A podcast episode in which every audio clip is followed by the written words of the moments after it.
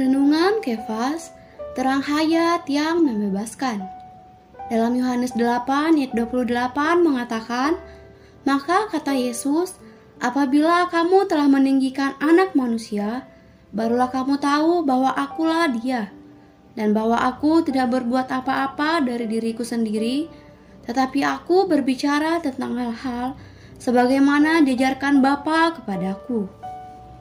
Bagaimana Tuhan Yesus membebaskan kita dari dosa? Ia melakukannya melalui masuk ke dalam kita sebagai terang hayat. Terang ini bukan di luar kita, tetapi di dalam kita. Ketika kita menerima Tuhan, Ia masuk ke dalam kita sebagai hayat kita. Hayat yang telah tinggal di dalam kita ini kini menerangi batin kita.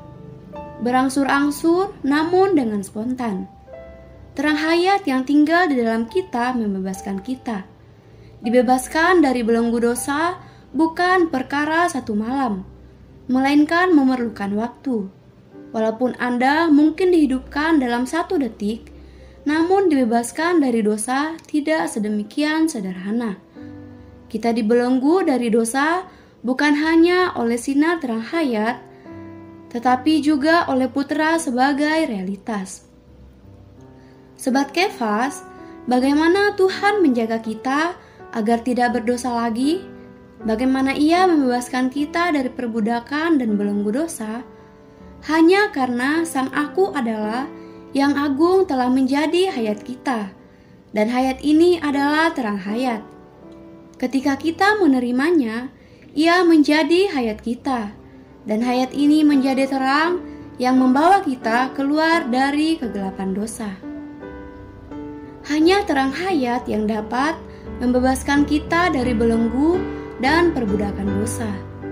Tuhan dapat mengampuni dosa kita karena Ia adalah Anak Manusia yang mati bagi kita dengan ditinggikan di atas salib.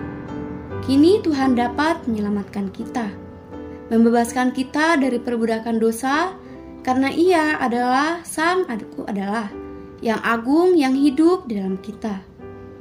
Kini ia menjadi hayat, yakni terang dalam kita. Terang hayat ini dapat membebaskan kita dari perbudakan dosa dan menyelamatkan kita dari kegelapan dosa.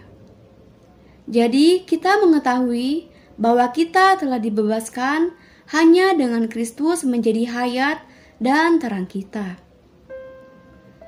Terang hari ini yang pertama hanya ada satu hal hayat, anda tidak perlu benar, sama seperti Anda tidak perlu salah. Anda hanya perlu memperhatikan hayat. Ketika Anda mempunyai hayat, semuanya akan baik. Yang kedua, kita dibebaskan dari dosa bukan hanya oleh sinar terang hayat, tetapi juga oleh putra sebagai realitas. Kebenaran di sini bukan sebutan kebenaran secara doktrin, melainkan realitas perkara ilahi, yaitu Tuhan sendiri. Doa hari ini berdoa terang hayat ini dapat membebaskan kita dari perbudakan dosa dan menyelamatkan kita dari kegelapan dosa. Jadi, kita mengetahui bahwa kita dibebaskan hanya dengan Kristus menjadi hayat dan terang kita. Amin.